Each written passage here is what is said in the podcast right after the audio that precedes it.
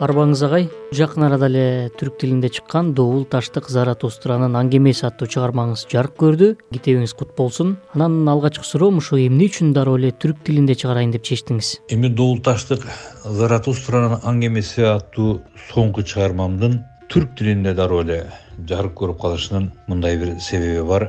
Кыргызча жазып бүткөндөн кийин менин чыгармачылыгым менен шугулданып жүргөн илимий эмгек макала жазып буга чейинки чыгармаларымды маселен мис милдрик менен айтабар менен кебимди деген романдарымды изилдеп түрк тилинде которуп түркияда ошол чыгармалардын жарык көрүшүнө чоң кол кабыш кылган котормочуларым бар эле. Ошолорго салып жиберсем алар окуп аябай жактырып анын үстүнө көптөн бери ушу бенгүү басмаканасы менен да кызматташам. Ал жердеги кишилерге анын ичинде евразия жазуучулар бирлигинин төрагасы якупбей өмүролуга көрсөткөндө алар дароо эле ушуну э, түрк тилинде чыгара бергиле деп калышты. Уруксат сурап кайрылды. Мен макулдугумду бердим. Себеби кыргызча чыга элек болчу. Кыргызча дагы оңдошум керек эле эми менин түрк санаалаштарымдын купулуна толуп аткандан кийин уруксат бердим дагы. Ошону менен алгач түрк тилинде жарык көрүп кетти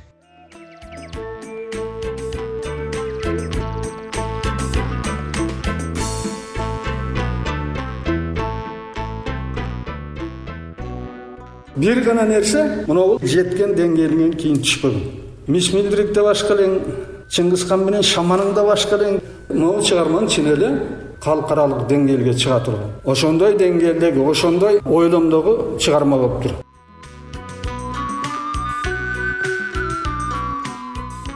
мына азыр өзүбүз уккандай эле белгилүү адабиятчы эсенбай нурушев сиздин чыгармачылыгыңызга жогору баасын берген экен ушул китептин ачылышында. Анан ушул түркиялык калемдештериңиз жалпы эле түрк окурмандары кандай кабыл алды бул китепти бул чыгарманы түрк тилинде жарык көргөндөн кийин евразия жазуучулар бирлигинин төрагасы баш болгон түрк коноктору бишкекке келип бет ачары презентация өткөрөбүз деп ошол жерде бир чакан презентация өткөрдүк. Ал жерде түркиянын дагы кыргызстандын дагы китепкөй ишкыбоздору сынчылар адабиятчылар китеп күйөрмандары чогулуп көп сөз болду. Туура айтасыз ошонун ичинде белгилүү адабиятчы атактуу журналист эсенбай нурушев агабыздын айткан сөзү албетте толкундантты көңүлдү көтөрдү дегендей бул жерде жогору баасын берди дедиңиз туура жогору баасын берди. Ошонун ичинде эми кандай десем буга чейин башка жерде жарык көрдүбү айткан сөзү жокпу. Түз эле ушул орхан памуктан кем калбаган жазуучусуң деп койсо мен да бир топ толкунданып калдым. Демек жакшы кабыл алган экен бул кишинин купулуна толгон экен деп калдым. Ал эми түркиялык калемдештерибиз бул чыгармаларды жылуу кабыл алып жүрөт деп эсептейм. Себеби түркиядагы айрым окурмандардан түрк тилинде пикирлерди отзывдарды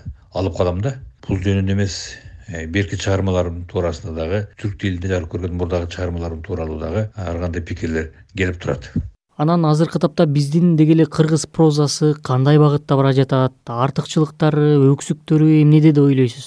Албетте соңку жылдары кыргыз адабиятынын акыбалына кейиген маанай үстөмдүк кылып атат. Себеби бизге чейинки үлкөндөр айтмакчы кыргыз адабияты могу совет учурунда аябай дүркүрөгөнү көп. Бул кыргыздардын миң жылдык тарыхында күч уктаса түшкө кирбеген чоң бийиктиктерди багындырды. Анан кийин ушу солгундап кеткендей болду. Бирок ошентсе дагы кыргыздардын кыргыз адабиятынын потенциалы чоң деп эсептеп калам. Себеби ушул сөздү акыркы учурда өзүбүздү өзүбүз сындап көп айтпай жүрөбүз. Улуу муундагы адамдар айтып калар эле. Биз кыргыздар шыктуу таланттуу элбиз деп ошентип айтып жүргөн идеологдордун айрымдарын азыр дагы көзү тирүү сексен токсондо э, таяп калышты. Себеби алар кыргыз элинин таланттууларынын таланты ачылган доорду көрүштү. Биз мындан э, үмүт үзбөшүбүз керек деп эсептейм.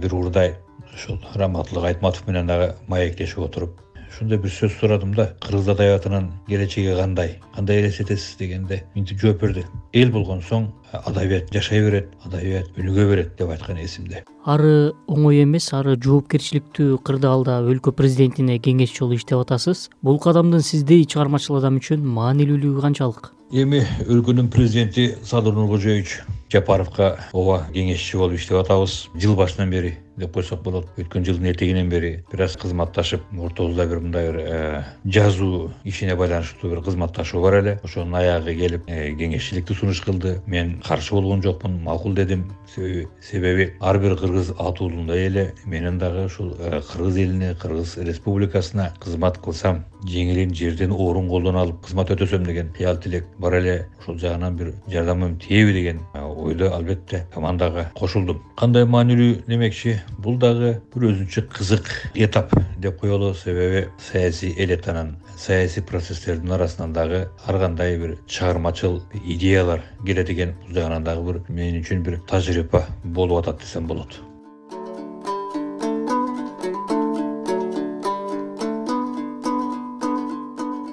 ардактуу азаттык радиосунун угармандары жан дүйнө уктуруусунун бүгүнкү коногу белгилүү тарыхчы жазуучу кыргыз республикасынын президентинин кеңешчиси арслан койчиев ал эми берүүнү мен максат жангазиев алып баруудамын. Деги эле өлкөнү алдыга сүрүүдө чыгармачыл интеллигенциянын миссиялары кандай болуш керек? Анан азыр кандай негизи?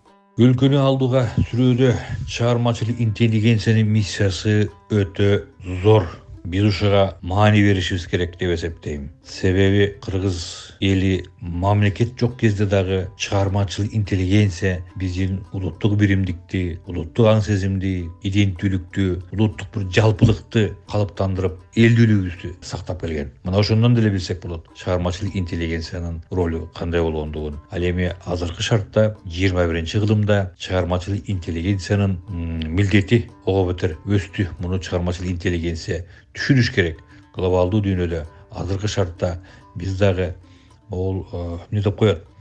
Башка элдерден кем эмес дымагыбызды чыгармачыл дараметибизди көрсөтө билишибиз керек бул жагынан көп идеялар бар. Мен сүйлөшө калганда айтып калам айрым чыгармачыл топторго. Өзгөчө адабият театр кино сүрөтчүлөр булар баардыгы жыйырма биринчи кылымга татыктуу чыгармаларды жаратсак бул да болсо биздин элдин деңгээлин жогорулатууга элдин өнүгүшүнө болгон чоң салым болор жакын арада эле ушул сиздин ниф элинин атактуу жазуучусу владимир санги менен кыскача маегиңизди окуп калдым эле. Ошондо чыңгыз айтматов тууралуу анын деңиз бойлой жорткон ала дөбөт чыгармасы тууралуу сүйлөшүп жатып анан бир чыгармаңызга сиз дагы идея сураган экенсиз. Ошону ала алдыңызбы ниф элинин жазуучусу владимир санги менен айтматов тууралуу асыресе анан деңиз бойлой жорткон ала дөбөт повести тууралуу сүйлөшүп отуруп ушундай тамаша сөз болгон. Эми учурунда сиз айтматовго ушундай сюжет берген экенсиз. Мага да бир сюжет бербейсизби деп тамашаладым. Себеби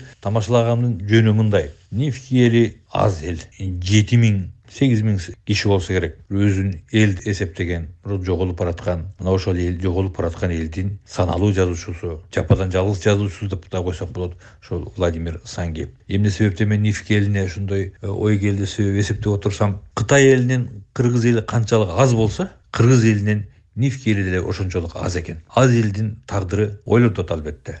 Ошол себептен ошого бир таяп э, айттым да албетте мен тиги маегин жарыялаган жокмун бирок ал киши ошол өз элинин тагдырына аябай кейип жаткандыгын менден кийин нифки эли жок болот го ушу менен нифки тили жок болот го дегендей камтамасын билдирди да. Аны ойлоп отурсам мындай кооптонуу аз сандуу элдердин баардыгынын акыры бир күнү башына келчү маселе экен сизди тарыхчы катары жазуучу катары азыр адамзаттын кайсы көйгөйү көбүрөөк ойлондурат? Учурда жазып баштаган чыгармаңыз болсо же болбосо келечектеги жаза турган чыгармаңыз болсо кайсыл теманы көтөрөт?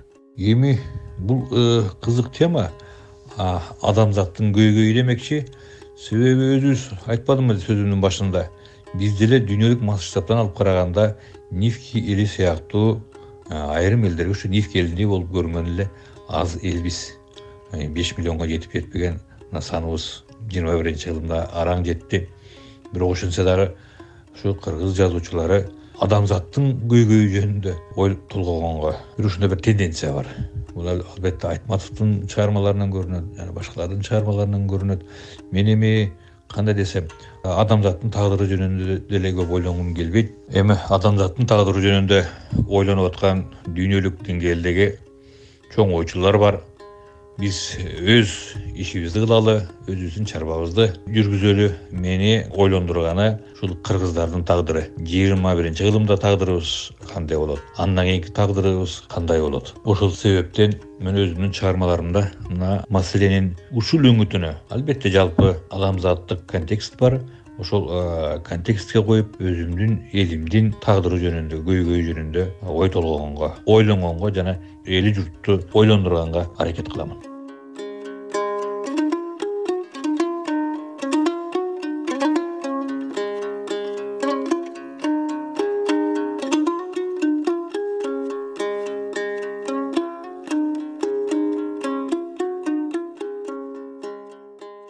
ардактуу арслан агай атайын убакыт бөлүп биз менен маек курганыңыз үчүн ыраазычылык билдиребиз. Ишиңизге дагы дагы зор ийгиликтерди каалайбыз. Ардактуу азаттык радиосунун угармандары жан дүйнө уктуруусунун бүгүнкү коногу белгилүү тарыхчы жазуучу кыргыз республикасынын президентинин кеңешчиси арслан койчиев болду. Ал эми берүүнү мен максат жангазиев алып бардым. Кайрадан амандашканча сак саламатта туруңуздар